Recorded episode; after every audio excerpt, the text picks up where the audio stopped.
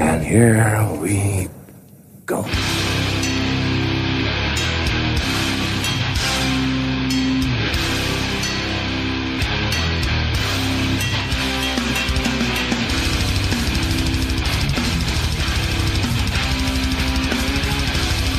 Väldigt kul att vara på plats i Stockholm eh, för Nere på noll avsnitt 58.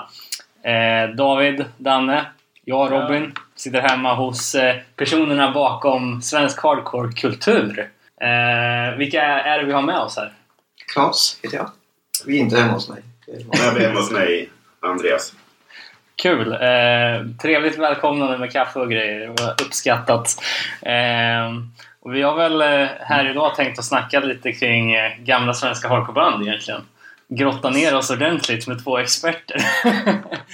eh, så det ser vi fram emot. Ehm, men först då kanske lite, lite nyheter bara för att komma in i det här ordentligt. Ehm, Danne, har du någonting som, som är aktuellt? Uh, absolut. Uh, först tråkig nyhet. Såg eh, Danzig har släppt vin, eller H&M släppt vintage-tröjor med avklippta ärmar och uppskuret i sidan med Danzig-loggan förblekta. Så då kan man ju slänga alla sina Danzig-t-shirts. Jag var fan på H&M igår. De har ju Metallica, Nirvana, Advance-sidan. Fan, det är ju band mer än vanliga kläder. Mhm. Och prislapp på 900? Nej för fan, det är 100 spänn. Jaha, Det är billigt som fan. okej. Ja, billigare än den där Kiss-cykeln som dök upp i flödet igår. En specialdesignad Kiss-fixie från något jävla företag. Inte världens snyggaste cykel, men Ja, den var riktigt ful. Vad kostar, vad kostar det? Det kostar ju multi. ja, jag vet inte. Visst. Eh, Det mina ungar är inne på Kiss som fan så jag tänker inte visa dem. Det är ett jävla tjatande. Har du köpt eh, strängarna till luftgitarren? Nej. Nej. Jag ser, jag ser, jag ser 100 det. kronor. Jävla kul. det var. Sippad påsen med, Med luft. med luft. Ja, genialt. Fantastiskt. Mm. Ja, Eh, sen var det ju eh, annonserat, eh, som både fått ris och ros, Ribfest. Mhm. Eh, med en jävla massa band som börjar på B. Det var eh, Burn, Bold Beyond och Battery som jag tror har fått någon sorts eh, revival nu. Okej. Eh, tillsammans med Judge, Grill Biscuits och Youth of Today. Eh, Men inte i Sverige väl? Nej, det är väl... Jag tror de kommer köpa lite olika platser i USA. Typ samma som förra gången, Chicago, New York. Och... Varför hade någon varit kritisk? Nej, för att de tyckte att det var en jävla... För bra. Ja, men bara trötta gubb-line-upper liksom. Och att eh, någon som hade varit där sa att... Ja, men det var bara så här... Eh, fo- fo- folk som var för, för gamla som stod med händerna i fickorna och, eller alternativt pushpitta. Ehm, ja, jag vet fan. Eh, och uh, of Today är st- st- ständigt aktuella. Jag tänkte lägga en liten prediction här nu. Mhm. Eh, f- eh, att det kommer komma ut en Vans-modell med Youth of Today collab inom kort. De spelar ju på någon grej i Europa i veckan typ. Mm. Som var den Vans of Legacy-grejen. Ja, plus att de har gjort ett eh, gig inne i någon av de här Vans showcase-butikerna Ah, i det. USA. Jag vet inte om det var där på, i Orange County, block eller... Ja, men det känns inte helt orimligt ändå. Nej, nej. Vad fan, finns det inte någon Revelation School? Det kanske hade Jo, det var en Adidas. För Mm. tio, det var tio års julmärken. Uh, ja, så Our Legacy, det hade jag missat totalt. uh, nu vet du vad jag snackar om. Ja. Är det svenska klädmärket? Ja. Ja.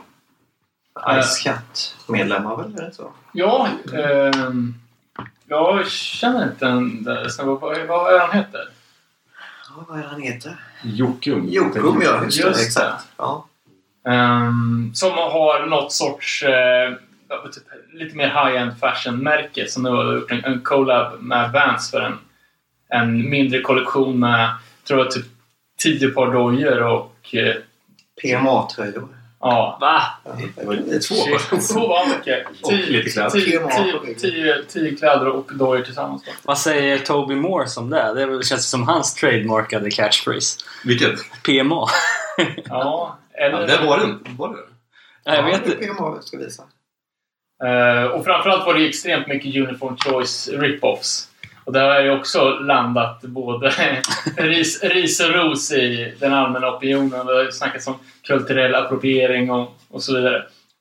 Det var ju rätt coolt men Det vart ju lite en t-shirt kostade tusen spänn. Ja. Eh, Det vart ju lite coolare när det hade svensk anknytning, men jag vet inte. Ja, fan. just fan. Just det. Men det är väl en gammal bokningsagent agent från Stockholm som jobbar med det bolaget Men fan.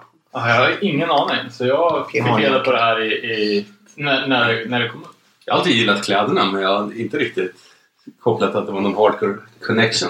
Jävla skumt material på den där jackan måste jag säga. Det såg ju helt eh, skevt ut. såg ut som en sån här jävla regnjacka typ. Ja, en helt vit galonjacka med vitt på vitt. Ja, det är flashigt. 3000 eller var det? 4000. Ja. Sen så... Eh, Men då är det inte, de, de har ju inte rippat det. Det är ändå någon som vet vad det är för ja, det är det. det får man ju- Ja, exakt. Det är bättre än H&M's. Bara screenkodera någon sorts... och körde tvättmaskinen 80 gånger på... Nej, men de har ju bakgrund i HC-scenen så de har ju koll. Sen var, vi var ju och såg eh, Hårda Tider. De var ju ute på någon eh, sväng här. Spela Göteborg, Gävle, Örebro och Cyklopen. Inte Göteborg tror jag inte. Inte Göteborg? Nej, bara okej. Örebro, Gävle och Stockholm. All right. Ja, men det var en, eh, en svettig liten spelning i Örebro i alla fall. Ni var och såg dem på Cyklopen eller? Ja, jag eh, var på Nej, inte jag. Jag kan tipsa om det här bandet spelade sin första spelning tror jag. Rastlös. Okej. Släppte kassett. Eh, Lite folk det typ? från uh, Sippin-kollektivet och uh, Clueless Punks-gänget. Okej. Så Svin och... Men låter det som Hårda Tider? Eh, nej, det gör det inte. Det finns på Bandcamp. Eh, Men på den här svängen var ju även eh, Nackskott som jag snackat lite om tidigare. Eh, från de småländska skogarna. Som också, också jäkligt nice. Mm. Och man, alltså, Hårda Tider, det är tio år sedan demon och man har liksom glömt bort det är så allmänt vedertaget som man inte riktigt har tänkt på det på länge. Men fan vad bra det är. Man Alltså. blir påminn om det varje gång man ser Ja. Även om man har slackat ur på lyssningen de senaste åren. Så. Fan, är det tio år sedan? Eh, so I've heard. 2007 kom den där Hardcore in the fucking Kanske streets. fem år sedan. Den är ju på gång att komma på vinyl också. Jaha. Var det kassett eller CD? Kassett, ja. Den har... eh, Jag vet inte om det är brasilianskt bolag som gett ut den redan på 25x i 8 tum. Så här. Helvete, nu brinner det i Som eh, bandet, bandet har bara fått av en. Okej. Som ska göra någon specialgrej med den. Sen ska den komma på 7 tum också. Men fan vad god smak att, eh, vad blir det nu då? 2005 jobba med kassetter. Det var ju Ja, det... eh, både för sent och för tidigt. Mm. Eh, ja, fett. Jag hade en jävligt god pratstund med tillhörande övning med, med hela gänget. Det var riktigt kul. Eh, sen såg jag eh, Primitive Rights som, eh, som har signat upp på, på Revelation. Eh, s- eh, Sjuan är nu annonserad till 17 mars. Det är ju här om, om några veckor. Eh, också med ett, ja men, eh, inte det klassiska Revelation-soundet utan lite mer eh, metal-drivet. Eh, som båda jävligt gott. Eh, sen eh, helt tvära kast musikaliskt. Digital Octopus. Kommer ni ihåg dem? Jag känner igen namnet. Eh, det är alltså en... Eh, Var det inte en riksmedlem? Ja, precis. Fra, fransos soloprojekt som kör eh, mest ja, punk och hardcore covers i italiano disco-version. Eh, Och få sjuk respons på det. I alla fall när vi har sett det. så, så har det gått hem. Det är få som kommer undan med den eh, humor och musikgrejen. Ja, exakt. Men eh, det har ju lagts upp nu en låt från, från nya kommande tolvan och eh, då är det en... Eh, det är Don't Tread On Me, Chromax cover, som är gjord i riktiga... Det är lite så här... Lite så här med så här snabba briller och... Ja, det är mycket blipplopp. Eh, och Fast det, är- det är inte så här tv-spels nej, nej, nej. Det är, syntblipp. ja, det är sjukt svårt på att definiera med olika syntljuden, men... Eh, men till, till och med Harley hade ju hade sån självdistans. Han hade gått ut och eh, backat det. Liksom. Nice. Ja, jag blev lite imponerad här av eh, ett nytt fanzine också som vi blev tipsade om. Eh, Jag fick hem det igår. Burp Magazine. ja, Spännande koncept på ett Ja. fanzine Bara trummisar som intervjuade och så snackade de om trummisgrejer och hamburgare. Skapligt nischat eller? Ja. Ja, och eh, det är gjort av... Eh, Björn. som, vad har han för bakgrund? Eh, ja, det kan inte jag jävla svara på faktiskt. Ja, han är väl trummis och spelade, eller spelar i typ Correction kanske? Ah, Eller Gust. Han har varit på någon turné med dem läser jag i alla fall, så något av de andra gissar på. Spännande eh, koncept i alla fall. Jävligt läsvärt. Bara bläddrat igenom det. Men, Verkar superbra. ja.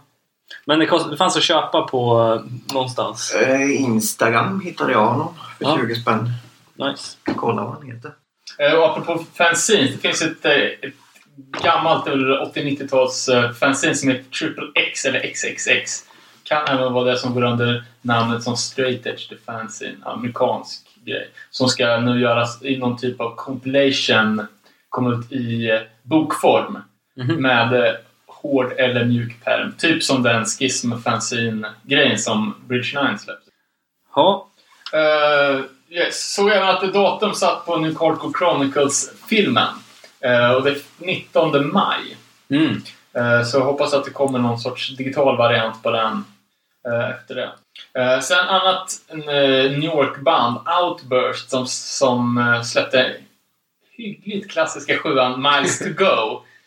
Ska nu återsläppa den här som någon sorts Flashy Smashy Special Edition eh, 12-tummare. Mm. Eh, och det är Blackout Records. Inga nya Integrity reissues denna vecka. Nej! Jo, de, de håller på att spela in en skiva. Ja, Jag tror att precis. den är klar. Eh, kommer kom, de har ju signat på Central Media nu. Oj, Så det kommer... storbolags... Ja. Var det inte Relapse? Eller var det det? ja, hugget som sloppen. Eh, Så de, de har ju säkert fått frångå sin tidigare, sitt tidigare koncept att spela in allt i Garageband. Ja. Eh, för att köra en riktig studio den här gången. Eh, Men kommer det nog bli fett. Eh, Sen såg jag att Lawgiver Demon var den väl, att den är ute nu i 12-tumsformat. Yes. Eh, jävligt snygg artwork måste Mm. jag säga. Och Det är väl Max som. Ja, jag tror det. jag tänker mig det. Ehm, på någon giftgul vinyl. Var den inte grön? Det var massa- Jävlar! Jag tror det var olika. Ja, det. Jag har rätt båda två. Och vi har ju redan konstaterat att det var ju ett av förra årets bästa svenska släpp i år. Helt klart. Ja. Jag Eh, måste pissa igen. ja, vi kan, kan stanna där. Yes, vi rullar nu då. Ja, ska vi säga någonting om eh, den här eh, fas 3? KSMB-debaclet. Ja, exakt. Eh, det var, började väl med att, eh, eller jag vet inte hur det började, men senaste så gick väl eh, han Tony Johansson ut med någon slags eh, öppet Facebook-inlägg där han sågade Alonso totalt och anklagade honom för massa saker. Typ. Eh, ja, att han har... Mm, ja, att han har känt honom i 23 år och han har bara jiddrat och bråkat och blåst folk. Alonso alltså. Eh, och han hävdar också då att Alonso är skyld, skyldig bandet pengar, att han har brutit mot dokumenterade affärsuppgörelser, att han har stulit pengar från låtar, att han har anklagat folk i bandet för att vara Sverigedemokrater, att han har redigerat bandets Wikipedia-sida, vilket jag tycker är fantastiskt. Det var höjden av hybris redigera sin egen Wikipedia-sida. Det är han och Danny Diablo som jobbar med det. Precis. Alonsos kommentar var skitsnack alltihop. Men alltså, jag vet inte fan, jag har fått några riktigt dåliga kulturmansvibbar på Alonso. Mhm. Eh, han har ju någon sorts... Han har ju sån jävla persona liksom. Det känns som att han är en riktig jävla Dramaten skådis-gubbe. Eh, säger inget om hans musikaliska gärning dock. Nej, och enligt den artikeln jag läser här så, så står det att enligt Alonso då så skulle den här konflikten kunna lösas hur lätt som helst bara man satte sig ner. Eh, det finns ett erbjudande som har funnits länge och fortfarande finns kvar men det skulle bli dyrt, säger han. Eh, Och då är det erbjudande. ja, jag vet inte, något slags eh, uppgörelse antar jag kring bandets backkatalog eller någonting. Vad fan, hur mycket pengar kan det vara i KSMB? Ja, men framförallt så jag fick för mig att det här handlade om fas, Fas 3, ja. grejer Exakt. Det kan ju inte vara många kronor. Mm. Liksom, så här, jävla ekonomiska uppgörelser. Det är STIM, det är stämningar, det är patent, det är bolagsregister. Ja, Nej. jävla bös för ingenting känns det som. Jag tror att det gäller både Alonso Fast 3 KSMB och Stockholms Negre. Känns Men det han är ute på någon turné med KSMB nu. Eller snart i alla fall. Ja, det är väl en ny skiva ute. Just det, och så är det det. var, Precis. det var lite spelningar på gång. Men jag har även hört att eh, Fas 3 har tagit med något förband. De har inte fått pengar heller. Det liksom skickas fakturor som inte betalas. Okej. Att eh, folk är lite sura. Mm. Men det är vad- rätt om det nu stämmer. Ja, exakt. KSMB spelar i Örebro tror jag. Jag tror att det var svindyrt att gå dit också. Ja, det var Det var inte så här 50 spänn inträde. Men det är de där jävla Sixten Redlös vet du, som ska ha så sjukt mycket pengar. Eller. Eh, någon som har hört nya KSMB? Nej. Jag lyssnade faktiskt på den. Det var, Jag läste en recension som var typ positiv. Ja, jag har också hört att, att, det har, att det har landat bra. Skivan öppnar med någon sorts riktig så här, Sena Thåströms eh, mörk snacklåt som är ja, också lite så här Dramaten-vibbar på. Men sen går det över till liksom eh, ganska men så här KSMB-snitt av gamla skolan. Det var inte alls så dåligt som jag hade... Men det är det, det är det, när, när man läser recensioner på så, när gamla band gör nya skivor, då är det ju en semi-positiv recension är ju att det är inte så dåligt som jag trodde. Nej, Det kunde varit värre. Det är inte bra, det kunde bara varit värre. Jag tycker dock att de skulle ha inte gjort någon ny skiva, bara hypat upp den här basker-merchen mer. Ja, exakt. det. Eh, har vi något mer? Jo, fan vi har fått lite låtar tillskickat oss. Ja, just det. Eh, och uh, framförallt Impulse Mm. eh, som eh, ett nytt svenskt band som lät jävligt bra. Från Gävle, va? Eller? Ja, kolla har tvärs över bordet. Ja. Ja, det är Ja. Ja, eh, eh, vi, vi peppar det här så vi kör låten Stuck. Och sen så ska vi gå in på lite svensk hardcore.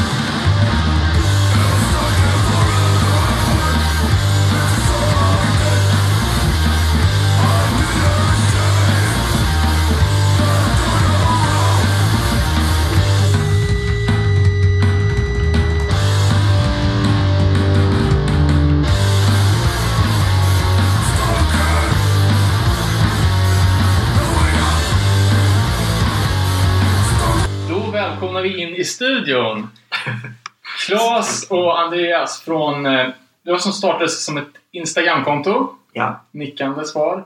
Eh, svensk hardcore-kultur. Eh, men för, måste nästan börja lite på det privata planet här.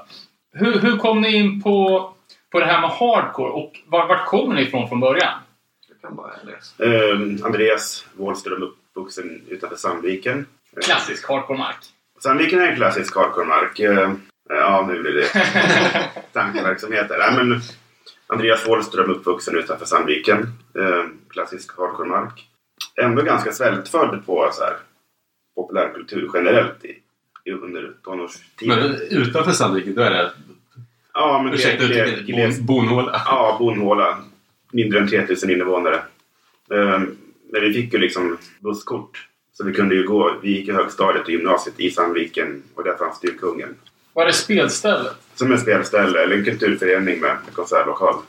Där det alltid har funnits band som har spelat. Så att det var väl på den vägen det.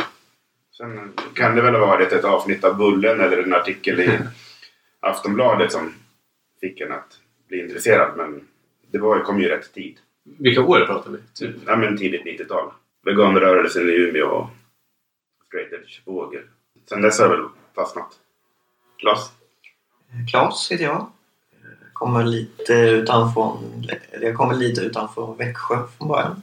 Också från en liten ort som heter Lammhult. Ja, där är Ikea ifrån. Nej, Det är Älmhult. Same Det är same. lite mer söder, söderut. Och punk och hardcore typ 93. Min storebror lyssnade mycket på hårdrock och lite på punk. Så det var han som introducerade. Sen gick man vidare själv och började lyssna på lite hårdare saker. Beställde skivor från Dolores och Och det var också tidigt 90-tal. Ja, det var sen 94 började jag fanzine. Jag gjorde ett fanzine som hette Keep Out som jag gjorde ganska länge. Det kom 11 nummer tror jag. Och sen gjorde jag ett fanzine för några år sedan som hette Min pappa, mina gamla t-shirts som vi har här på bordet. Ja, vi kollar på Ja, det. det var riktigt coolt. Det är egentligen Konceptet är att din farsa har gamla bandtröjor. ja, som jag hade på mig på 90-talet för alla var ju i storlek XL. Så jag har gett dem, ganska många av dem till honom som han bär hemma på gården. Så fotade jag av honom en sommar när han gjorde olika saker. Och sen gjorde jag intervjuer med bandet som var på t-shirten. Han är kung. Inte- för att han är ålderdomshem gammal men om man glider på ett ålderdomshem med 59 tröjor. då är han Fan, boss. ja, det är målet. Den finns på minpappa.se om man vill kolla på bilderna och läsa texten. Men eh, Sandviken är ju, är ju lite mer känt i hardcore-kretsar. Eh, och även Växjö hade ju sin, sin, eh, sin period kanske något senare på 90-talet. Men fanns det någon hardcore-scen i Småland när du kom in på det här? Jättemycket, eller det växte ju hela tiden men i Växjö fanns ju Get Up and Goers som Daniel som sjöng i det bandet. Han gjorde ett fanzine också som hette Euphony. Och jobbade lite på ett ställe i Växjö så han tog dit massa band. Ja. Sen var det ju Gislaved och Oskarshamn och Kalmar. Ja, Och så också Västervik.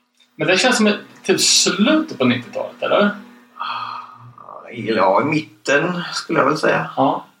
Och lite senare delen men inte så 99. Tror jag inte, utan mer i mitten. Tror jag. Eh, ja, någonting som vi alla reflekterar över att just den här tidiga, eh, ja men liksom när Umeåscenen spreds över landet, att det blev ungefär som, som när svensk punk, eh, liksom när det kom igång, eh, 77-vågen, att det var mycket det var väldigt bra spridning geografiskt. Mycket landsort. Så ett som ja, Gislaved liksom. Som hade en gedigen hardcore-scen. Vi, vi snackar Finspång.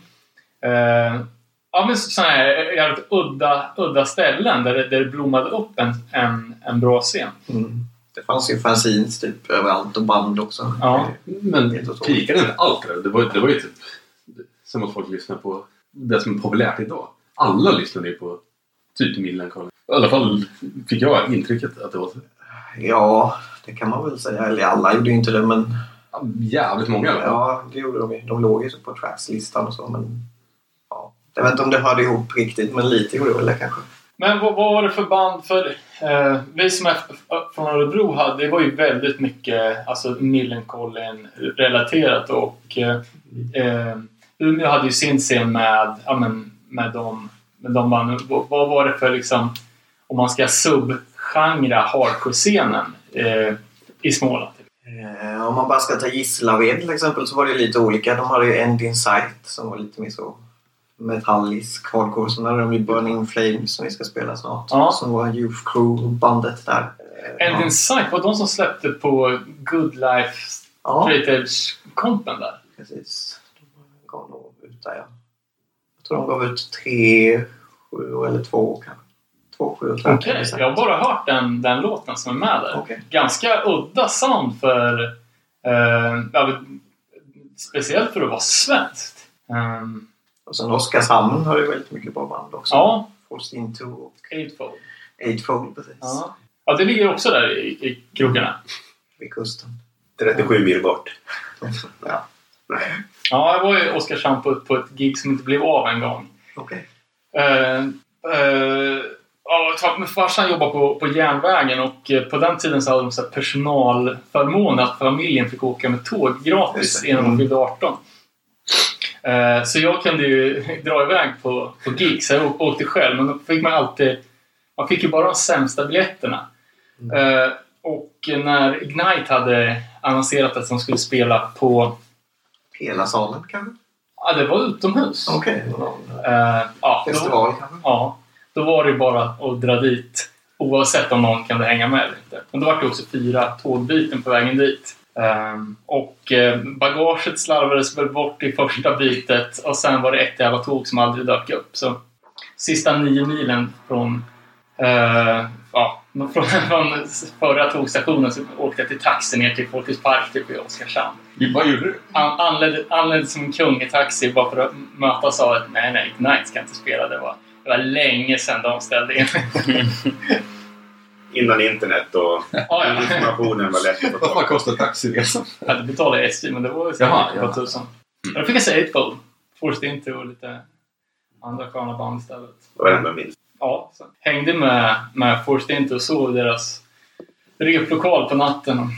Och också eh, jävla... För med, ja, dra iväg själv hade ju såklart... Ja, mobiltelefoner fanns väl inte ens. Jag hade inte ens en klocka så jag skulle ta första tåget hem och sov i en replokal utan klocka i något jävla, någon jävla källare. Jag visste inte vart jag var så skulle jag passa ett morgontåg. Hur gammal var du? Ja, jag, jag, yngre än 18. Jag vet inte. Så det var ett lite speciellt sätt att, att resa och vara ouppstyrd. Eh, men fet scen hade de i alla fall. Ja, det hade de verkligen.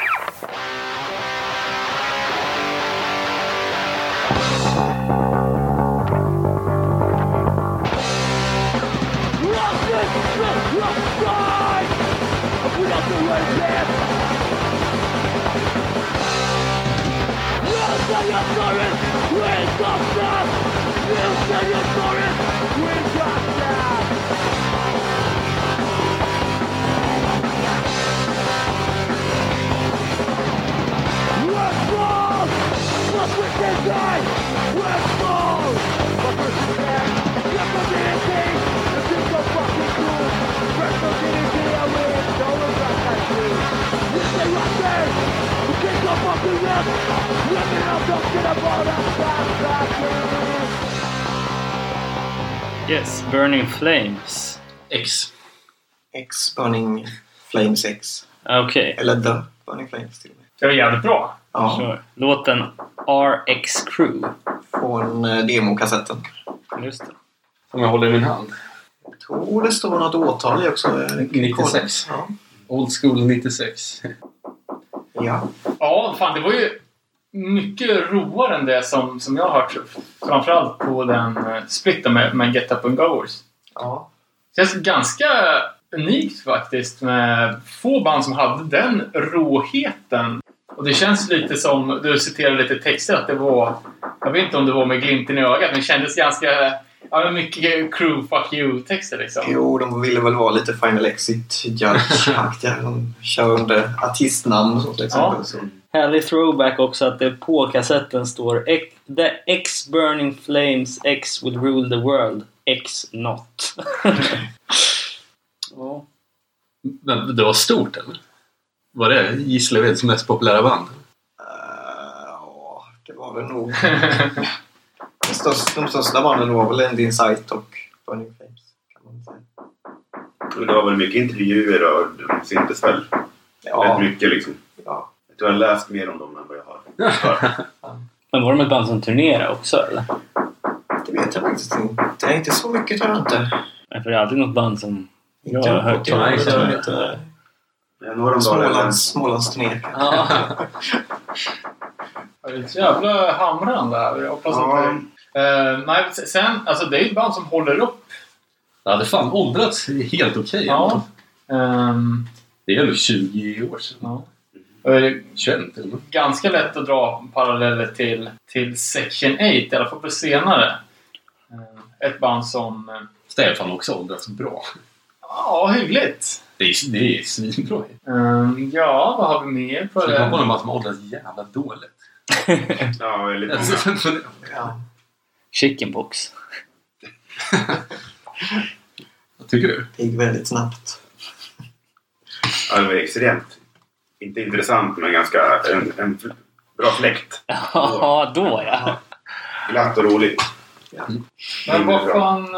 Ändå smart att de använder B till B-sidan till Burn. Har ni koll på vad de gör idag? Ja, Fagge känner vi. Daniel Fagerström. Eh, Jag vet inte vad han spelade i Burning Flames. Gitarr skulle jag gissa på. Ja, gitarr eller bas. Han gör ju massa musik fortfarande. Um, spelar i Skull Defects bild av. Inte Skulle du beskriva dem? Men de kan man ju uppskatta. Experimentell, ja, lite halvt monoton, ganska hård rock. Någon sån här Eh. stoner-grej. Nej, tvärtom. Eh, svårt att förklara. Men, det, Ja, till eller- ja, men precis. Sean Lee Hutta spelar ju... Han spelar med Anticimex och åkte skateboard för G-spot. Och Ja. Han spelar också med dem. Eh, Daniel Higgs har de fått med på lite något hörn. Han spe- spelar ju med Lungfish. Eh, Discord-band. Men han är mycket elektronisk musik också. Ja. Han är, Optic Nest. Mhm. Och producerar en massa annat. Jobbat med Jenny Wilson och Jaha. ja, lite så. Mm. Och det är även på med mod- modular syntar. Och bygger det olika konstiga rymdskeppsliknande displaysystem som man kan ge ljud med. All right. Mm. Fan vad folk snör in på det där. Eh, men eh, diskografin då. För, första sjuan, Project Hardcore. Eh, och sen den andra egna sjuan, Deprogramming the Jocks. Uh, titel som man, man känner igen och många av de här omslagen har så Man kanske inte reflekterar över dem på, per titel men när man ser dem så de, det var ju grejer som stod i, i varenda distro i många, många år. ja. Eh, vad hette de nu då? Skivbolaget? Get Up and Goers Eh, Euphony Records. Euphony. Och det var samma som hade fanzine. Ja. Ja. Fanzinet hette Euphony också. Så det var Daniel som höll i det mest. De gav väl bara egentligen ut äh, egna grejer. Förutom Backside Linköping tror jag de gav ut en miniserie med. Ja, Och något Interstate som var något sidoprojekt. Get Up and Goers. Med emo rock. All right. Ska vi flytta oss vidare i Sverige då? Hugga någon annan småstad? Ja, ska vi kanske hamna i Gävle? Mm. Ehm, Jag är från Sandviken, eller från Järbo utanför Sandviken. Och Gävle var väl närmsta staden liksom. Och där plockade jag upp en, en mini-CD mitten av 90-talet som heter Turnstyle med bandet Ashram. Inte alls att, vad heter de då? Amerikanska bandet Turnstyle. Det är där de har tagit namnet. Ja, man får hoppas det, men jag tror inte det. Lite, fan, det är ju typ nästan deras design på omslag också. Ja, vem vet, det kanske finns en, en, en koppling. Ja, ska vi lyssna?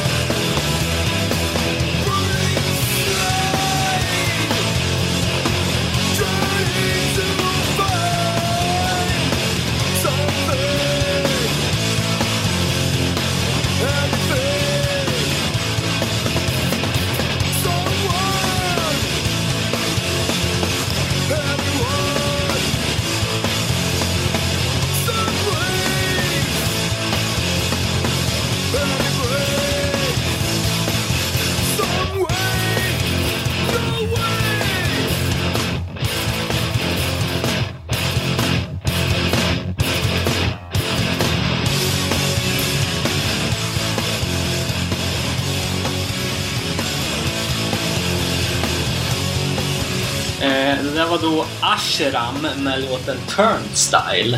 Ja, det är tvära kast om man jämför med Burning Flames.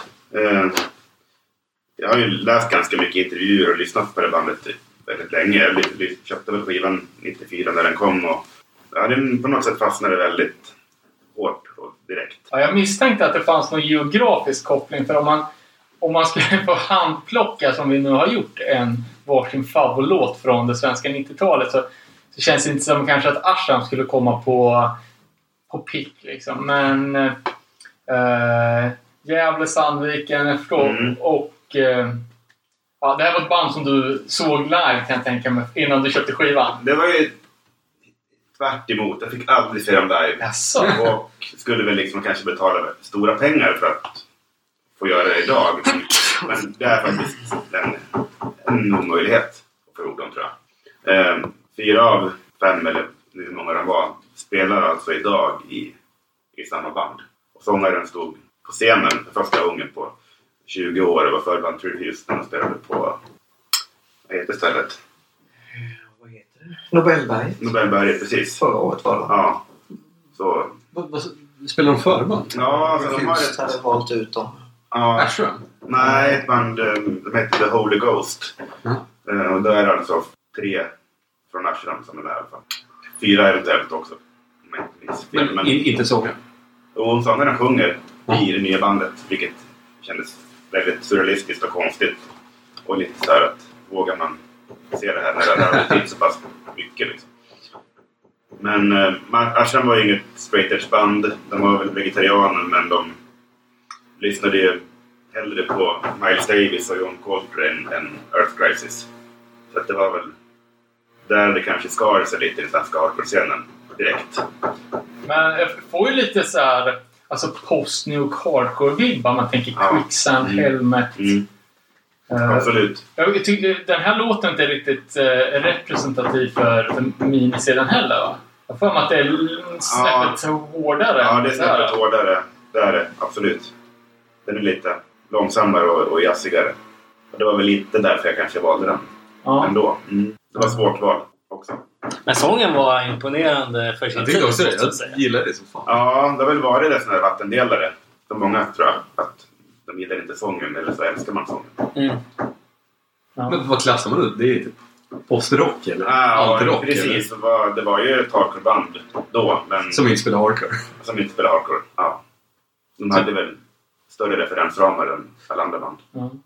Men just då vad, man, vad det gäller sången så att eh, alltså i dagsläget så är ju alltså lite mer experimentell sång Mm. super eh. Mm. Men eh, alltså, om man ska bara dra några snabba referenser till andra band i Sverige så var det ju antingen var det liksom melodisk skatepunk-sång eller också var det ju skrik så mycket du kan. Ja. Och det är ju också ganska utlämnande och, och försöka lära sig att sjunga, ta, ta ton liksom. Det är, vem som helst kan i princip vem som helst kan ju skrika. Eller Mm. sjunga hardcore. Men det är fan, att sj- sjunga, sjunga är ju... Då måste man ändå ha någon typ av... Pondus. Ja? Ingen skam i kroppen. ja, precis. Ja, men de här, jag läste, de har funnits svinlänge. Bildat 91. Jag skulle nog säga att det kanske var ännu längre, men det kanske... Jag skulle nog säga 88, men det kanske Okej. inte stämmer. Ja. Men de släppte ju någon, någon demo och någon vinylsingel och sen spelade de in den här Turnstyle-inspelningen som kom 94 och då var de även med på den här Adrenalin-turnén som gick runt om i Sverige med Refused, Margaret Jane och, och Randy. Som var ett turnépaket som bland annat Luger låg låg bakom. Vilket skivbolag är det släppt på? Eh, Nej, det- sedeln. Den andra? Ja. Eh, Den är på Wounded Records. ja, precis. Finspångbolag. Ja. Outlast också släppte ju det. Ja. Och... Section. Nej, men Lifeless Image. Just Mm. Eh, Cancer Pacific 4. mycket möjligt. Eh, och även ett band som jag... Det fan inte jag... Jag tror inte jag har hört dem, men som... eh, som ibland kommer upp på tidig svensk hardcore. Det är Wounded Knee. Något ni Mm. lyssnar på. Just det. Nej, men jag känner igen det. Eh, hur, hur, hur låter det egentligen? Jag funderar på också. det. Nej, jag kan inte svara. Eh, för jag tror att det uh, Wounded Knee någon typ Ragge kanske han kan Ja. heta. Ja, som spelade under ni som hade det här eh, bolaget. Mm. Han som hade bolaget hette Ragge. Ja. Det är Mm. så det var koppling. Uh, men jag svårt, jag kollade på, på Youtube och det kom bara upp massa... eh, antingen var det John Cash-låtar om, om här, slaget med Wounded Knee. Uh, jag vet fan. Eh, de var ju även med på massa av de här klassiska samlingarna. Till exempel Hardcore for Masses volym 2. Den med eh, den avhuggna snoppen på. Fan vilken snackis det var ett. Ja, det är edgy. um, vi har alltid blandat ihop Ashram och Astream. Känner ni till dem? Mm. Skate. Det är Pumpan, ja. Det här bad taste skatepunk? Ja, de var ju med på den här fantastiska... Eh, vad heter den? Epiphone? Kan det inte det? Mm. Samlingen Just det. Mm. med Satanic Millen och eh, Venerea och... One for Wonders. Mm. Ja, det är en klassiker. Den är bra. Eh, men Ashram, är det, något, är det någon Krishna-grej? För det är väl en Ja, hinduistisk... pre- exakt. Det betyder väl någon form av eh, shelter, eller vad säger man på Okej. härbärge, eller vad säger man? Mm. Något sånt. Något sånt ska det vara. Och det, det, är, det är mycket riktigt någon referens därifrån. Men de Det, det, fa- det fanns inget Govindas i Gävle. På. Det fanns inget Govindas i Gävle, men bandet var väl vegetarianer och inspirerades från, fritt från olika delar av världen. Men vad är det som, eh, som tilltalar dig med det här då? Alltså, vi- vissa grejer har ju liksom rotat sig på grund av att man hade inte så jävla många skivor på den tiden. Det man hade lyssnade man tills det satt liksom. Mm. Jag hade ju någon idé om att eftersom just Ashram, det var någon midi det här, det fanns en demo, det fanns en sjua. De släppte just på Hardcore Furnaces 2 kanske det Ja. var. Så var det väl någon Wounded-samling. Så att- Och jag satt och samlade ihop alla de här kassett, eller skivorna och gjorde eget samlingskassett. Ja, Som jag sen hade någon idé om att jag ville släppa. okej. Men det... N- När, när, alltså släppa nu i veckan eller Nej, nu pratar vi sen, sent 90-tal. Ja. Att jag ville göra ett släpp av det. Men det blev aldrig av. Det är inte för sent. Det är inte för sent. Men var Ashram ett stort band i, i, i krokarna eller? I Krokarna var de stora. De spelade väl ganska mycket. Både i Sandviken och Gävle. Och det var liksom... Café Q hade ju, var ju de delaktiga i Gävle. Svenska kungen i Sandviken. Bokningsbolaget de var, låg på var ju Luger. Okej, ja. Som idag gör lite andra grejer än hardcore-spelningar. Du Men, bokade Ashram. ja, de bokade Ashram då. De bokade det mesta inom hardcore på den tiden kan man säga. Ja, de bokade väldigt mycket på den tiden. Och de såg väl till att alla de här, allt som vi såg i Umeå Hardcore-boken som jag tittade nyss i. Att tack vare Luger så kom Kälte till Umeå. Ja, men man ser det på alla, alla sina gamla affischer att det sitter en liten lugelogga Ja. ja. nere i vänstra hörnet. Verkligen. Det, de var bra på... Kommer även ihåg att eh, vi fick... Eh, jag gjorde ju något, något fanzine. Jag hade fått lite adresser och eh, skickade väl ett brev till Luger. Bara, har ni några spelningsaffischer? Jag vet inte var vi fick idén ifrån. Så fick man ett fett paket med alla affischer som de hade, hade kvar. Liksom. Ja. Mm. Eh, men eh, var, var det scenfolk?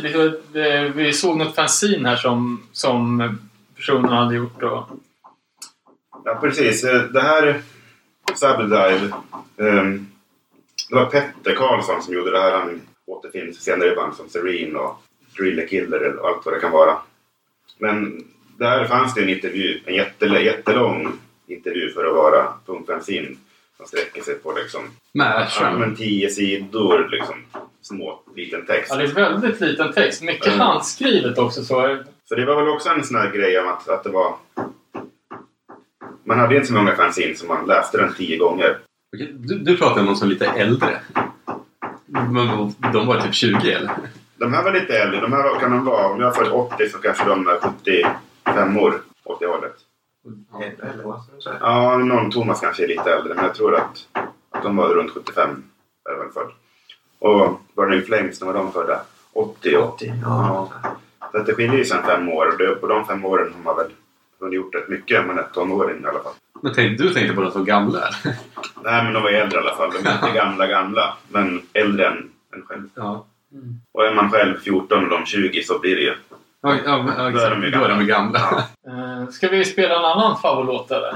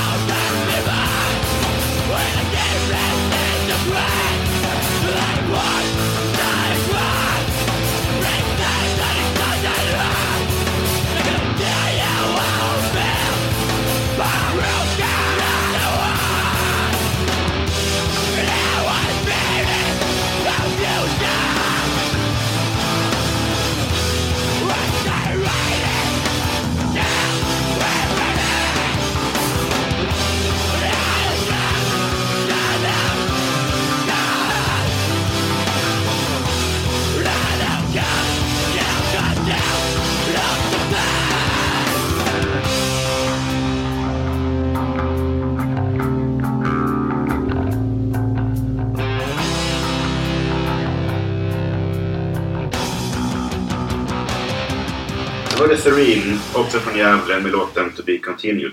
Eh, några år senare, eh, Ashram har lagt ner, eh, nya band bildas. Eh, det var väl några från som hade ett, jag försöker komma på vad de heter faktiskt, som en kompis till mig var med i med sångaren. Men det, det är inte samma sångare som Nej, Ashram. precis. Det var Nu Fredrik, skreks det. Fredrik Nygren blev med i, Serene efter Ashram. Det här är mer svensk 90-talssnitt på, Ja. på soundet i alla fall. Precis, men jag tycker ändå att det skiljer sig rätt mycket. Liksom. Det var väl mer så här melodiska gitarrer och emo på något sätt. Än, Jag googlade lite. Det var det något, då pratade de om Gävle sound och såna grejer.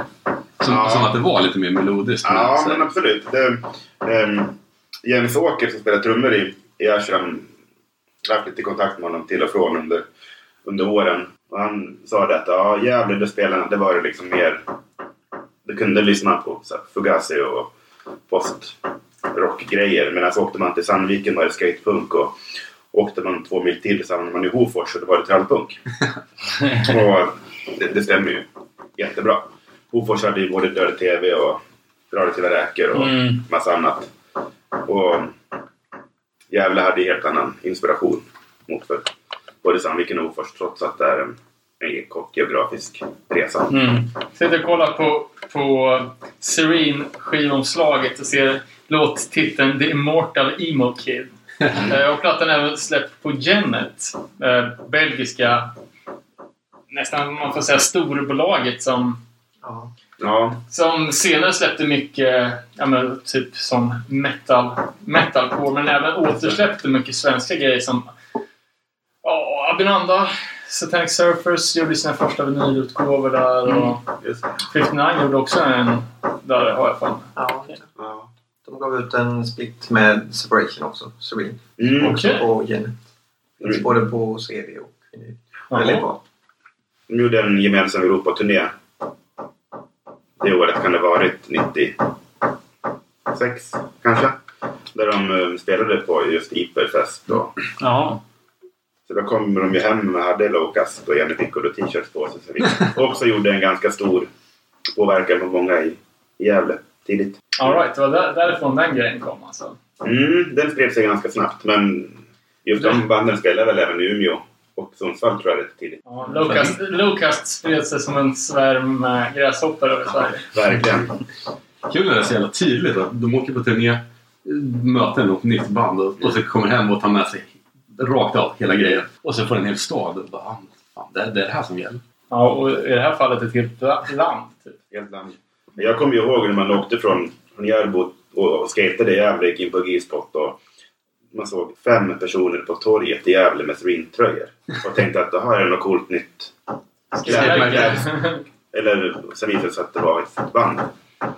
Fan intressant, jag har aldrig hört talas om Serena. Nej, men jag vet inte om de var. Men de, som du säger, de har släppt på Järnet. Vilket är någon form av kanske kvalitet och, och att det är lite större. Men De spelade aldrig så mycket i Sverige. nej, jag tror att eh, knappt att det var... Jag vet att folk från Umeå tjatade liksom att kom till Umeå. Men oklart om de kom dit. Flera gånger. Ja. Den, den, den turen hade jag. Det hade nog varit tråkigt om jag hade missat dem också. Mm. Men eh, ja, Serene idag då? Vad, hur ser det ut? Ja, det är väl inte så många som spelar musik idag. Fredrik Nygren ser vi i Gadget idag. Mm. Grindcore från Gävle. Släpper tusende skiva på Relapse nyligen. Jävlar, ändå relapse. Ja, de hade väl ett kontrakt där, sju skivor kanske det blev. Okej. snurrigt. Men äm, ändå, det är stort. Only in grindcore. Sen är det väl inte så många som spelar musik i det bandet längre. Uh, utspridda i Malmö till Stockholm, vad jag vet. Mm. Men däremot gick många vidare till Children of Fall efter tidigt 90, 90, eller sent 90-tal. 90-tal måste det ha blivit. Som är. Som också var ett eh, Malmöbaserat. Är rätt likt Serene men ja, hardcoreband. Lite hårdare kanske. Aldrig hört talas om Men heller. lite likt Serene också, tycker jag. Ja, det är det ju. Släppte väl också på Genet. Ja, jag tror det. Och på det här Black Star. Ja, precis. Ja, Emil var ju med där. Ja, Björklander. Han hade ju det bolaget och spelade med Children of Fall. Som hade ett gammalt Okej. fanzine för länge sedan också. Vänersborg. Ja, Express. 90-tal. John Doe Band var också med. Och då har vi en naturlig övergång till nästa låt vi tänkte spela. Eh, För Serene gjorde som sagt en split med Separation. Och i Separation spelade Axel som också spelade i Potlatch för länge sedan. Ni känner till dem?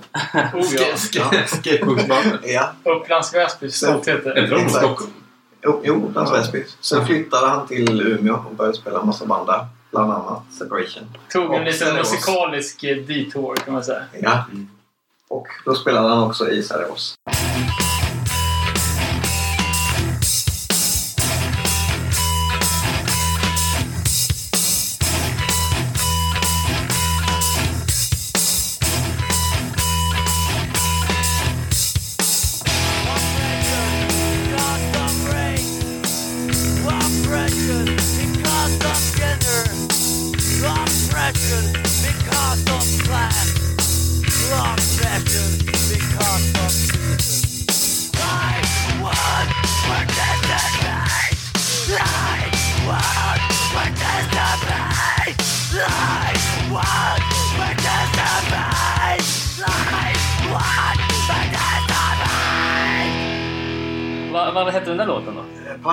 Revolution. Och de avslutade med att säga Vegan Revolution, va? Mm. Ja. Och den roliga historien med den här låten är att basgången och gitarrerna spelar i morsekod vegan. Nej. Nej. Vadå? Morsekod? Ja, exakt. Jaha, Morsekod? okej. Ja, Så jag- säger väl tre långa, tre korta, tre korta. Tre korta, tre långa, tre korta. Det ju SOS. Det kändes ju spontant också som att band som Forever Young har inspirerats otroligt mycket av det här bandet. Ja, Alltså, för det- man hör ju direkt liksom. Jag har ju alltid avfärdat det här som jävligt pretto på något sätt. Så typ inte ens orkat Men det lyssna var på vår det. nästa skiva tror jag. De Ja. gav ut en fullängdare sen som heter All Men- Punk Cons. Ja, men nu har jag lyssnat på det. Jag tycker det är svinbra. Ja, det är en, det är en av favoritbanden från Umeå för min del. Jag eh, upptäckte dem som förband till Refused. Bonus råkade eh, Teddy Bears ville ha och sova. Så Teddy Bears råkade också spela på den spelningen. Men jag tyckte att Ferreros var bäst på den tiden. Men håll med om att det är lite pretto är det ju. Absolut. Inte för att det är något fel med det. Nej, men det var ju hela, hela den Umeå 2.0-grejen. Mm. Eh, alltså, det har vi också snackat om när, när vi gjorde det här Umeå Hardcore-avsnittet. Att någonstans här så gick... Alltså, när folk slutade prata om hardcore, scene, pride och alla de där grejerna. Till, gick gå över till att hela tiden referera som punk. Ja, men all punks kom och... ehm, Tjej, fan. Ja, men precis. Att det, att det blev en mer ja, men punk och alla influens, influenserna från eh, liksom, eh, DC post-hardcore-grejen. Mm. Känns det som att miniserien kanske var i den gamla skolan och att... Är det, är det fullängd alltså? Ja, Ja. den Att är det väldigt är- mycket poppigare. Att det är den nya skolans Umeå Ja, ja exakt. Ja, Tveksamt faktiskt. tveksamt om de ens De, kallar det ja, hardcore. de vill ju inte, garanterat inte göra det. Nej, det var en besvikelse kan man väl säga. När man hörde den skivan första gången. Jag tyckte den Fast var i bra efterhand. också faktiskt. Ja, ja, ja, men, ja, men jag förstår också att man kan gilla den. Men nej, Ja, Du mitt, gillar inte nu heller? jag har inte lyssnat på den. Jag ska imorgon ja, mitt första intryck var ju att det här är så jävla dåligt. Men jag måste faktiskt hålla med att det, uh, att det, det, det har ju någonting. Uh, vissa, vissa grejer, till och med på, på det senare. Ja, det, det, det, det finns, det finns no, no, någonting som ligger och glimmar i, i lorten. Uh, och jag har ju alltid varit ett stort fan av Shield. Det känns som att det här kanske till och med är som medlemsmässigt att det finns någon, någon koppling. För det känns väldigt mycket som en förlängning på Shield. Jag tror inte att det är någon medlemsmedlem. Nej, Är inte någon med i Fan Alexet dock? Eh, jo, Anders And, som han kallades i Fan Lexit. Han var med i Cellulose. De bytte ju ganska mycket medlemmar från miniserien till fullängden. Ja. Eh, var, varför valde du just den här låten då? Det- Ja, var du gjorde det? ja, jag valde den. Nej, men det var just den där kopplingen med att jag såg dem live och att det Ah. också blev en, en, ett betydande album för den tiden. Ja. De tre jag har valt är ju inte speciellt hardcore hardcore heller. Eh, det var väl där någonstans jag kände att jag ville visa någon form av bredd också. Men Mm. det är också jävligt politiskt i texter. Har jag? Zaragoza ja. Väldigt Ja. politiskt, väldigt vegan och anarkistiskt och straight edge. Absolut. Det var ju någonting som man tog till sig mycket då. Eh, jag läste Sarajevo. Jag har alltid trott att de hette... Alltså, tänk om att Yoda är ledsen. Saravos. Eh, men att de heter Saravos liksom. Som är, jag sa att det var det. Liksom. Ja, jag vet inte, men jag tror det. Jag tror att det är så. Ja. Eh, men vad, jag, jag läste deras biografi. Och på de eh, få meningarna som stod i, i, i biografin så, så nämner de att de eh, giggade återigen då i Belgien som, som så många svenska band gjorde på den här tiden. Och hur de eh, gjorde en grej av att de, de tänkte inte gå på scenen för att det hade varit för våldsamt. Att de eh, ja, men gjorde ett statement att nu får ni, får ni liksom bete er annars kommer inte vi spela. Eh, jag, vet fan, jag tycker nå- någonting som är lite jävla osympatiskt med den. Liksom, det är som att vara bortbjuden till någon och sen ska sätta, sätta reglerna. Liksom. Jag vet fan, den, svenska hardcore-scenen just på den tiden och speciellt i Umeå hade ju... Alltså, de hade ju eleverat tänkandet. Det var ju liksom inte riktigt kanske det hardcore, hardcore-konceptet som Sartre istället för... Nej men exakt, ja, men som, som, Ja. som kanske som fanns i Belgien. Liksom, alla de belgiska banden var ju... Ja men Chug, Chug, det var ju, de hade ju gjort... Tagit den, den ni- tidig 90-tals hardcore fast gjort den ännu mera av det som Umeå-scenen gjorde ännu mindre av. Mm. Det var en liten kulturkrock där kanske. Inspirerad av Fugazi också säkert. Med inga stage dives och ingen får bli skadad i publiken. Eh, ja, intressant. Vad, vad, har vi, vad har vi mer på, på fullängden då? Ja, jag vet inte om vi ska säga något mer. Annars ska vi snacka lite om vad de Är gör inte det idag. jävligt tidigt för att vara... Vad man nu kallar det, postpunk eller... Det känns väl som att de följde Refused. Alltså, den är väldigt mycket Den är mycket- poppigare, liksom, den Ja, skivan. den är väl även Ja, tidigare? kanske. Ja, det tror jag att den är. Jag tror att den, Den kom in... Ja, det tror jag också. Jaså? Jo, men det är jag nästan säker på att den Jaha, gjorde. det var så. Fan. Det var Jag vet inte. nyhet för mig. Men jo. Men vi kan snacka lite om vad de gör idag. Mm. Avsluta. Ja. Eh, Axel, som vi pratade om innan. Han spelade lite i Cult of Luna väl? Mm. Och sen var han med i Damage Head också, här från Stockholm. Startade upp dem, tror jag. Sen Mm. minns jag inte. Det varit Nej, med sen- väldigt många band. Ja. Och sen lite andra medlemmar från Zerosa har spelat i massa olika popband. Sen från nu, typ Psyket, om ni känner till dem. Tiger Forest Cat. Ja.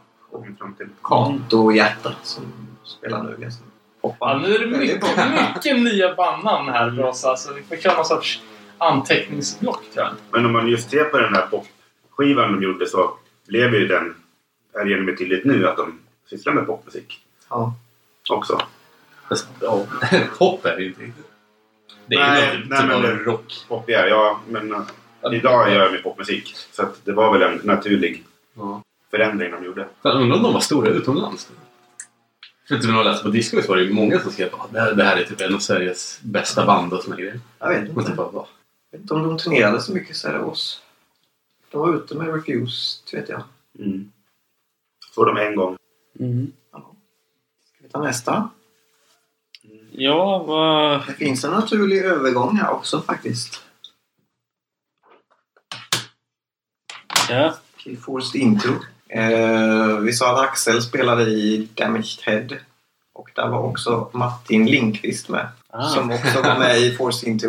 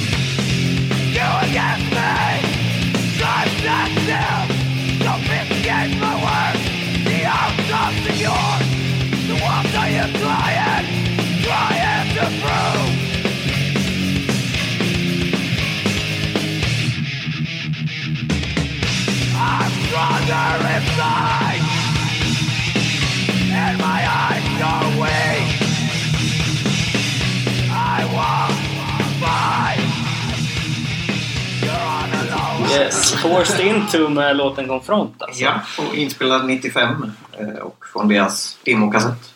Sen efter det så gav de ut en egen sjua och en mini-CD Ja. och en split där med ett annat Oskarshamnsband som heter Blinker. Som är skate-punk. Fan, det var lite, lite förvånande att höra skönsången. Alltså jag Ja, förknippar ju Forced Into med att de alltid hade ganska, ganska bra riv i, i sången. Lite annorlunda. Men Ja. bra måste jag säga. Ja, Eh, det är ju ett sjukt, sjukt bra band och, men det naturliga känns det som att folk börjar att skrika och sen gör det. och, och tar steget vidare till skönsång. Än tvärtom. Mm. Men var det här första släppet? ja det är första. Sen blev de lite hårdare kan man säga. Ja, och det är ju ett av de banden från... Eh, ja, men alltså ba- banden som inte var från Umeå och som inte låg på Burning Heart som var ett av de största, liksom om man ska snacka underground-banden i, i hela Sverige på den tiden. Mm. Eh. Mini- Miniserien är väl på Bridge? Eller? Ja, gör Ja, den. På Passion.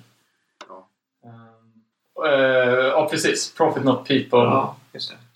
Eh, och de hade ju även en låt med på Still Screaming, den här Burning. Heart-samlingen. Där var ju de... var de och Albin Anda som var de enda banden som inte låg på Burning Heart. Och Outlast också. Ja, kanske det var. Ja, Outlast är nog med. Det fanns Eh, en omslaget till Still Screaming. Med högtalarskisser eller något Ja, sånt. helt grått. Skitfult.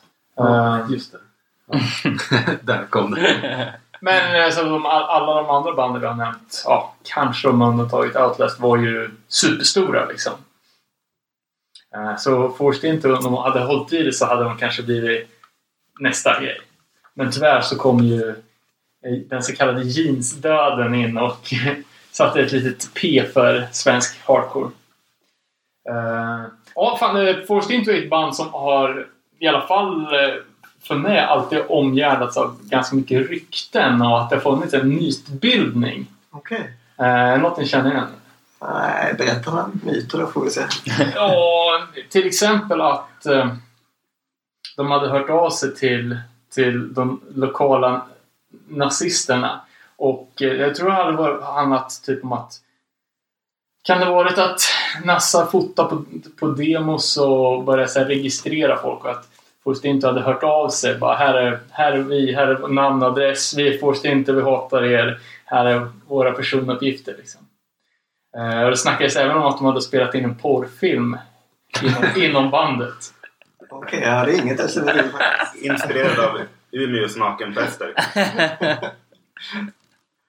Vi Nej, jag kan inte bekräfta någonting. Nej, nej, nej. det kan vara- Du kan inte dementera något heller. Det kan inte jag.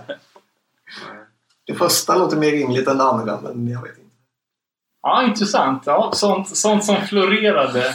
Eh, för Örebro på den här tiden, alltså de snackar 95, vi hade ju ingen hardcore-scen. Bara en massa fördomar. Ja, men alltså... Det, man hör alltså... Eh, det, fan, det var ju mycket folk på gigsen. Liksom 750 pers på, på en hardcore-spelning var ju inga konstigheter. Men det var ju... Det var ju folk hängde på liksom på skatepunkvågen. Det fanns ju inga hardcore-band att tala om. Det fanns ingen hardcore-scen. Det var inga folk som åkte på gigs. Förutom en ytterst få... Liksom en, en det var en bil kunde vi mobilisera på ett, på ett gig. Liksom, med, när Earth Crisis spelade i, på den här turnén 95-96. Liksom. Ehm, så då, då hörde vi rykten om vad, vad som, vad som försiggick i andra, andra delar av landet där det, det fanns folk som var galna. Liksom. Därav var det Oskarshamn. Ja, Ja. Mm. ja så kanske det var. Jag träffade ju på uh, Force Into tidigt. Jag hängde med bandet uh, Freepoint från Gävle. Åkte upp i Sundsvall och spelade. Dagen efter spelade de på Antirasistgalan i, i Ockelbo. Och det var Force Into ett band som var med på båda de spelningarna. Och då hade trummisen i, i Freepoint varit ganska dryg, druckit alkohol. Var väl just en sån här rock'n'roll kille Okej. på ja. den tiden. Hade en så här vit, eh, såg ganska pimpig ut och hade en så här vit eh, luddjacka och bakåtkammat hår och allmänt störig uppsyn. Wow. Så att då blev det faktiskt slagsmål mellan Martin och någon i Forced Int. Sen om det var okej eller inte, det kan jag inte svara på. Men det var det säkert. Eh, kommer även ihåg när jag var på den här Oskarshamns-grejen om Kangdom. Eh, som jag aldrig hade träffat innan. Som bara, jag bara hakar på för att jag inte känner andra. Då gick man också runt med en flaska med piss som de bjöd folk på. Åh, fy fan! Är det här också rykte eller Ja, det, var ju, det, var, det, var, det var upplevt i alla fall. Uh, ja, det brukar sköna snubbar. Åh, fy Poppen, fan vad äckligt. Eh, också ett av de få banden, skulle jag vilja säga, som gjorde sitt bästa släpp sist. Ska att ni inte håller med om efter ni valde Vilket det? var det sista miniserien? Ja. Jag tyckte sjuan var väldigt bra, men miniserien är bra också.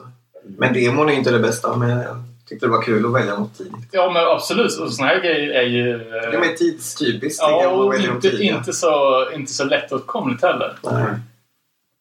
Um, Ja. Vad gör de idag? Eh, Martin som vi pratade om innan, han har ju spelat i massa band sen Harry Tyss, säger man så? Mm. Från Malmö. Mm. Eh, institution har spelat med. Med kängpunk liksom. Eh, spelar han med något nu? Nej. All right. Men vad, vad, vad, vad tror ni? Vad, det känns som att det kom till ett ganska abrupt slut. Vet ni varför de la ner? Nej. Det känns Ingen som att, aning. Nej, ingen aning heller. Men de var ju väldigt aktiva under en ganska lång period också. Det kändes som att det var mycket skivinspelningar. Väldigt mycket spelade i Linköping. Ja. Närheten där var väl ganska kort. Kan man säga. Att, även att Outlast spelade mycket och Section 8 och de åkte runt till varandras städer för att det är mycket. Men att även, det kanske var något kom till sin punkt. ja. Jag vet inte, information färdades ju så långsamt på den tiden. Så Ja. det är mycket möjligt att det fejdades ut under, under flera år. Men bara att, eh, att att man inte upplevde det som det. porrfilmen som I Örebro trodde man att någon blev regissör. Och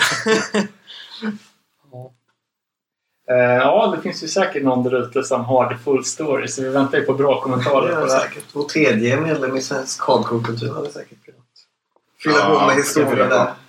Eh, vill ni lyfta fram något band från Stockholm eller? Ja, vi kan väl avsluta kanske med Replace. Som Ja. jag tycker kan vara ganska roligt att spela. Den är från 97. Och det är en låt från vad då vi ska spela? Från deras enda inspelning tror jag. Ja. En kassett som är inspelad av Mart. Från, eller säger man Mart? Från De Lyckliga Kompisarna. Som spelade in mycket punk hardcore på den tiden. Spännande. Då antar jag att vi kör låten Hardcore Hierarchy då.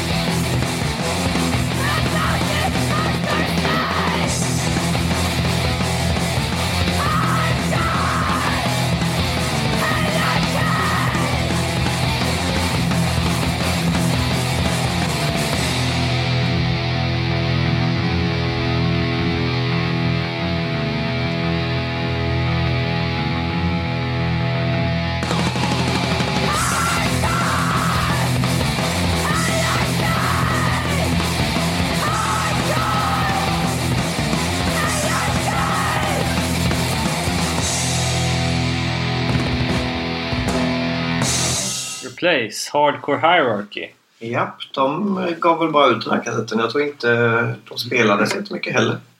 Inte utanför Stockholm, jag vet i alla fall. Aldrig hört talas om förut.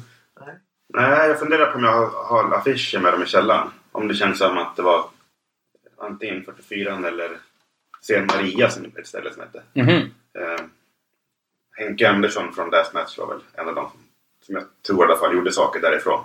På det stället. Eh, jag försöker finna mer information om just det stället men svårt att hitta. Mm. Fan, det är ändå kul att allting vi pratar om, ingenting eh, utspelar sig i Stockholm egentligen. Nej, Nej, men det är väl lite så allmänt känt att Stockholm aldrig hade en hardcore-scen. Eh, trots att de hade populationen på sin sida. Ja, eller? Eh, så det är väldigt sparsmakat med, med hardcoreband fr- från 90-talet. Det fanns mycket annat att göra i Stockholm. Så Ja. det, är typ, det är småstäderna och så. Ja, ja det kanske är det. ja, men det fanns ju ändå så här. I Täby fanns det ju en scen. Man hade väl Ja. Vita villan. Och så fanns det Gula villan i Haninge. Så det är tvärt emot varandra. Liksom. Det är säkert 7-8 mil emellan om man åker. Men att det ändå fanns saker där. Ja. Sen har vi ju Teddy Bears. Det var väl ett hardcoreband från Stockholm kanske. Ja. Det fanns ju en del band gjorde det. Men det var Ja. inte så mycket scen kanske. Inte som man upplevde det utifrån. Nej. Som Nej. andra Nej, inte på samma sätt i alla fall. Nej. Nej, eftersom 44 var ju... eh, ja, men där banden från andra städer åkte för att spela. Men det fanns ju inte så mycket lokala band va? Eh, vad, vad, jag, vad jag vill minnas i alla fall. Vi, snack, vi snackar Haninge, då har vi ju Frontflash. Eh, som i alla fall släppte, släppte ut två sjuor och, och, och en split. Eh, och sen fanns det ju så här, lite senare kom det ju, kom det ju band liksom. Mm. Men från den tidigare generationen så är det ju jävligt sparsmakat. Men Konstigt Teddy, nog. Teddy Bears då? Ja, alltså det är Hur ju... spelar de på sådana hardcore eller? Jag vet inte. Jag så, Teddy Bears var min första koppling till hardcore. Första gången jag hörde någon nämna det uttrycket. Uh, och det var ju med, med typ de lite äldre skejtarna i Örebro som, som hade nämnt det. Sen tror jag faktiskt att jag hörde det på radion. På något sånt där. Kanske var det något sånt här hårdrocksprogram på, på P3. Uh, eh, och det var ju i princip det sjukaste man hade hört. Jag, jag kommer ändå från dödsmetall. Liksom. Det, här, det var ju något helt... Det helt jävla nytt med det ja, för kaotiska, funkiga jävla sound. Liksom. Ska vi lyssna på något kanske? Vi har ju Taken by Surprise. Ja. Men det är nya versioner. Jag vet inte riktigt vad ja, skillnaden är. men det är den gamla fast den andra versionen är ännu äldre. Okej. Teddy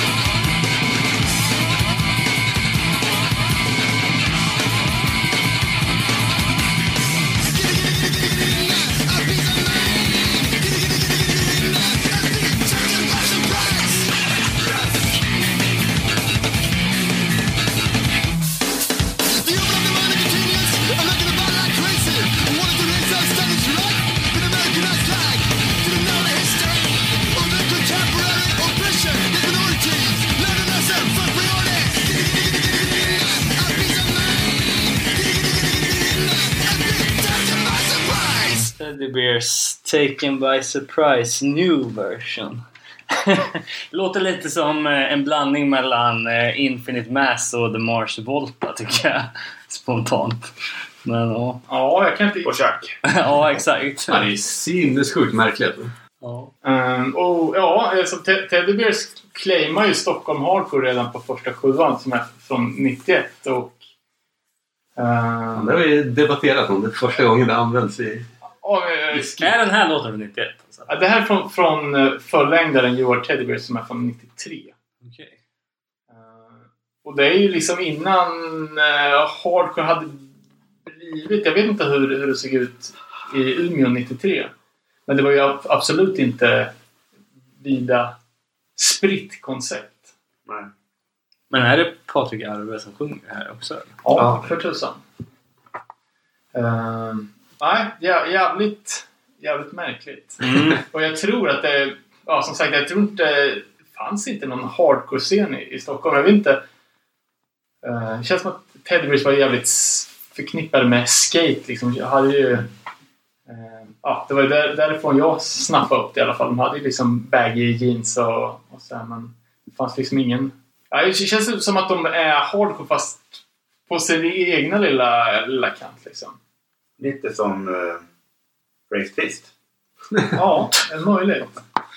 Ja. Um, Race Fist möter ju fan det ett av de bästa banden eh, från början i alla fall. Ehm, ja, Ja. Pretext var ju en hård låt när man hörde det första gången. Men Inte sen gick det ju ut för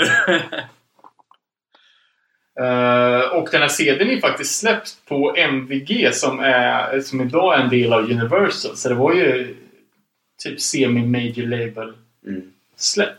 Mm. Och som sagt spelades på radion. Eh, Men jag vet, fan, jag vet inte var- var- var- vart de fick det här ifrån. Jag tänker typ vaga minnen från när det är Red Hot Chili Peppers som spelar live i den här Trashing-filmen. Jag får också att det är någon sån sjuk upptempo funkig kaoslåt. Det är, det är ju Red Hot Chili Peppers bas i det där. mm. Ja, där. Jag hatar den basdelen. alltså. Fan, det är sämsta skiten. Alltså. Skateboard och funkbas. Då, Nej, för fan. Usch. Men det låter ju exakt som någonting. Jag kan bara för mitt liv inte komma på vad det är. Ja, intressant, jag kan inte komma på någonting som det låter som. Jo, någonting här. Första Någon får skicka in och skriva vad det är. Första sjuan är ju på Dolores också kan man flika in. Ja. Eh, Också, mycket. klassiskt Göteborgsbolag som var var väl distributionskällan för all typ av underground-musik. Liksom då. De, de släppte, alltså Dolores släppte ju från... De släppte ju första... Eller Perverse 7 Första At the Gates. De var ju peta på på alla, alla möjliga coola, Ja. coola grejer. Och mindre coola grejer. mm, ja, jag vet fan. I, intressant och det är svårt att, svårt att sätta fingret på. Men vet ni några fler band från Stockholm? från den här tiden. Ja. Inte från Teddy Bears tiden. Men... ehm, Det måste ju varit 94 typ. Ja, Nej, ingen aning. Clawfinger var det Stockholm. jag tror det var norska. Ja, det är, det är Jo, lite... men det var Stockholm och Norge. Men ja. Jag vet inte. Ska vi nämna dem i samma mening? Nej, ta bort det. Ja, men jag har fått för mig att det var inte det då. Det var det säkert. Det var nog ja, typ 95 kanske. Nej, jag tror inte det var Ja, tidigare. Jag tror att, 94, ja, ja. 90, ja, 93, 94 skulle jag säga. Var det då ZTV pika också? Ja, men vet, det började sjuan. Men det är många minnen som... HTV. Ja, men precis. Man tog fram skateboarden på riktigt. Började åka snowboard. Ja. Köpte lite med stora byxor. Mycket förstår jag. Ja, exakt. Eh, ja, vi har inte ens touchat på kanske den tidens största scener som är Vänersborg, Trollhättan och inte heller Linköping. Eh, Lite medvetet kan jag säga. Vi tyckte det var roligare att välja band som kom från lite andra scener. eh, ja, och det... Men vi får göra ett återbesök. Jag tror inte man behöver förklara för någon som lyssnar på den här podcasten att det även fanns en hardcore-scen i de städerna. Nej. Eh, men ska vi snacka lite om svensk hardcore-kultur? Eh, Instagramkontot, crewet och livsstilen. Stor Eh, behållning ja. av Instagramkontot dock. Ja. Jävla bra. Ja, verkligen. Vi började väl Instagramkontot 2005. Ja, det är två år den här månaden i mars. Och det rullar väl på som vi har tänkt att vi lägger upp lite så- som vi känner för men ändå försöker ha någon form av kontinuitet då. Ja, folk som skickar in grejer också. Det är roligt. Ja. Sen har vi tänkt göra lite hembesök hos folk. Vi vet har stora samlingar. Fota av och lägga upp. Det, det räcker inte med våra samlingar men, vi, Nej. nej, men för att få en liten bredd, bredd, på det. Vi, vi saknar ju såklart väldigt mycket. Och skoj för oss också. Ja, väldigt kul att få hembesök. Eh, Ja, jag har fattat att ni är väldigt mycket för ja, sa- samlande och dokumentation. Mm. Och det, alltså, det är ju en kulturgärning av Guds nåde liksom. Så det är eh, schysst att någon, att någon greppar den, den bollen. Det är också så här, man, man blir, får ju både ångest över hur svensk hardcore eh, kultur eller scen är idag jämfört med hur många bra spelningar det var förr. Samtidigt som man på något konstigt sätt önskar att man var äldre så man hade kunnat åka på alla de här spelningarna som ni lägger upp posters från. Liksom. Eh, så det är intressant att se hur pass stora festivaler det fanns förr och hur aktivt det ändå var i Sverige med utländska besök och sådär jämfört med hur det är nu. Liksom. Man tycker att det sker någon gång då och då men inte alls Verkligen. ofta. Men samtidigt får vi flika in att vi är personer som går på mycket spelningar och köper nya skivor och tycker att hardcore-scenen nu är fantastisk också på sitt sätt. Ja, ja, Vi är ja. inga nostalgiker eller nostalgiker så på det sättet utan vi gillar den nya scenen också Mm. väldigt mycket. Men vad, vad har, har ni fått någon speciellt bra respons för någonting ni har postat på Instagramkontot? Något som sticker ut? Preach kan Ja. jag tycka får alltid mycket likes. Ja, ja, precis. Breach är ett band som folk ser tillbaka på och tycker är bra. På Ja. riktigt fortfarande. Sen, Det, det har ju fan också åldrats jävligt bra. ja, de är verkligen. Det, Du sitter ju på en eh, riktigt bra breach-grej tror jag. Ja, Teckningen där. den original ska vi lägga ut. artworket. Ja, den skulle vi lägga ut någon gång. Eh, ja, det är bra långa fingrar. uh, ja, men Breach är också ett jävligt intressant band för det fattar man ju aldrig när det begav sig. Men Refused hade ju i princip karbonkopierat alla sina grejer. Först från alltså, typ New Age Hardcore och sen från DC Post Hardcore. Men Breach, som också är så sjukt tidiga, har ju ett helt unikt sound. Um, också ganska... Alltså, Breach är från Luleå eller? Ja. mm. Ehm, för det vart ju snabbt alla mina polares favoritband. Uh, och folk frågar jämt ah, men säg ett band som låter som Breach, jag vill köpa fler skivor liksom. Och då hade man aldrig något att komma med. ja, det var väl på senare tid folk började dra paralleller till Neurosis och... och Men, men så låter de ju inte på den första skivan. Nej. Men det senare, Breach, är ju Neurosis-aktigt. Ja, och tidigare Neurosis är inte, är inte Neurosis heller. Nej. Nej, de var väl ett hardcore-band. Men, men var det så att eh, Breach och Fireside är ju, de hade något punkband innan och sen när de Ja, splittades så var det precis. några av dem vart Fireside, några vart Breach. Precis. Superdong heter de. Ja, Som ja, ja exakt. eh, Väldigt bra. Ja, jag såg att uh, Fredrik Larsson hade lagt upp Superdome-demon här. Mm. Ehm, ja, fan, jag har också hört att eh, det är du Claes som har eh, eh, stor databas med hardcore eh, MP3. Ja, jag har ganska mycket. Eh, Det är alltid tid som saknas men vi har ju planer på att lägga ut det på Ja. något sätt på nätet. Ja, men man gör, tid? göra någon, någon typ av, av alltså, älskar att katalogisera och eh, liksom sortera. Det vore ju jävligt fett om, om det fanns. Ja, jag håller med. Och sen typ någon typ av öppen databas så folk kunde fylla på med sina lokala demos och Ja, verkligen. man kunde gå in i olika mappar och kolla vilka men vad som kom från Åtvidaberg 89 Precis. liksom. Vi har tänkt oss någon slags Sverigekarta som man ska kunna klicka Mm. på olika städer och komma in och se vilka band som fanns och lyssna på. Precis, nu är det väl Youtube vi Ja. hänvisar till. Okej. Där vi har lagt upp en hel del grejer. Ja. Jag har väl fått några intressanta saker som inte har folk har kunnat fått haft tillgång till innan. Bland annat en Reach-inspelningen. Ja. på Reach. var Reach eller Reach? Reach. Reach. Som var innan Pure Sound kan man säga. Mm. Fick vi tag på en inspelning som... Ja, det är väl ingen som har hört den innan. Jag förstår. En hemlig inspelning. Det är spännande att kunna få och med vara så.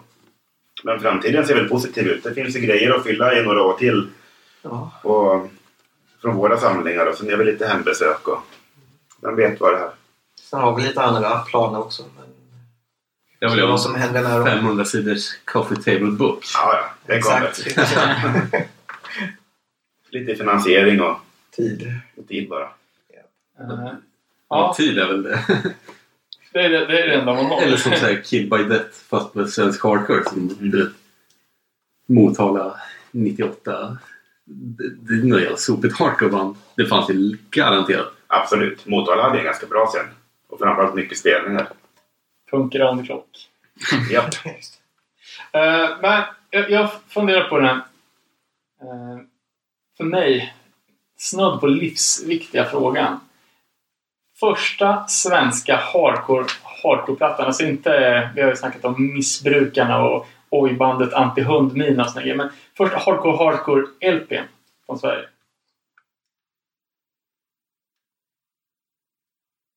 Och vi kan ju för, för kontexten ska jag säga att det här var ju precis i CDns absolut eh, största, största tid. Liksom. Ja, Men vad- no refused.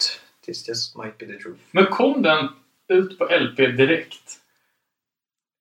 Men jag köpte den på LP ganska tidigt. Men min storebror hade den på CD. Minns jag. Den Ja. lyssnade jag jättemycket på. Ja, för CDn... eh, Så det var nog mer min än hans. Ja. För, för, för CDn den är ju från 94. Eh, men ja, om, om den kom i vinyl i samma sväng så då kan jag nog köpa den. Intressant. Det är ju Star Treks som har gett ut så det kanske någon, någon kan svara på. Ja, sen är det ju svårt med totalitär och allt det där. Ja, men precis. Men det ska vara jeans och kedja. Ja, men jag tänker det. Mm. Strike t-shirt. Men Menar du att man köpte den själv eller menar ni som kom ut? Som kom ut. Jaha, jag tänkte vilken man köpte själv. Jaha, nej. jag tror det. Nej, men du är nog inte så ute och cyklar ändå. Sen beror det ju på vad man menar med hardcore. Nej, men det ska vara baggy jeans och kedja kommer vi fram till. Ja, ja men då kanske det är den. Sen kan Eller är det... det Teddy Bears? Kom den innan? Och den fanns alltså vinyl. Nej, just det. För det är, ja, Re- Refused var om, om den kom 94 så är den tid. Men sen är det ju ganska stort glapp. I och med att ja, men nästan allting kom ut på CD fram tills långt senare när ja, men till exempel eh, Senseless med Abinanda släpptes på Genet som måste ha varit i slutet på 90-talet. Eller när Refused släppte LPs på, på Victor Records. Mm. Eh, för Desperate Fight gjorde väl aldrig någonting vinylt. Nej. Eh, ja, men avslutningsvis då. Uh, tänkte om vi skulle önska någon liten topplista eller om det finns någon... Uh, ni snackade om att ni hade ett YouTube-konto. Ja, vi kan väl bara länka till vårt Soundcloud-konto och Youtube och Instagram-kontot kanske. Mm. Facebook finns det. Ja, det finns med. Facebook. Det ligger också musik att lyssna på. Vad söker man på där? Det är väl svensk hardcore-kultur på Facebook. Sen det- finns det även en... eh, Vad heter de? Spotify-lista. Ligger också tillgänglig på Facebook. Men framförallt alla de här sjuka demosarna som, eh, som vi har sett här idag. Så det finns eh, mycket, mycket godbitar i, i gömmorna på ja, gammalt material på, på band man älskar som man aldrig varken hört eller sett förut. Och nya grejer som man aldrig hört. Det är också aldrig hört talas om förut. mycket, mycket grejer. Ja, sjukt kul att ni var med måste jag säga. Det känns som att vi bara skrapat på ytan. Vi skulle kunna sitta här några timmar till. Verkligen, verkligen. Det var Eh, svårt att välja ut vilka vi skulle ha med. Men...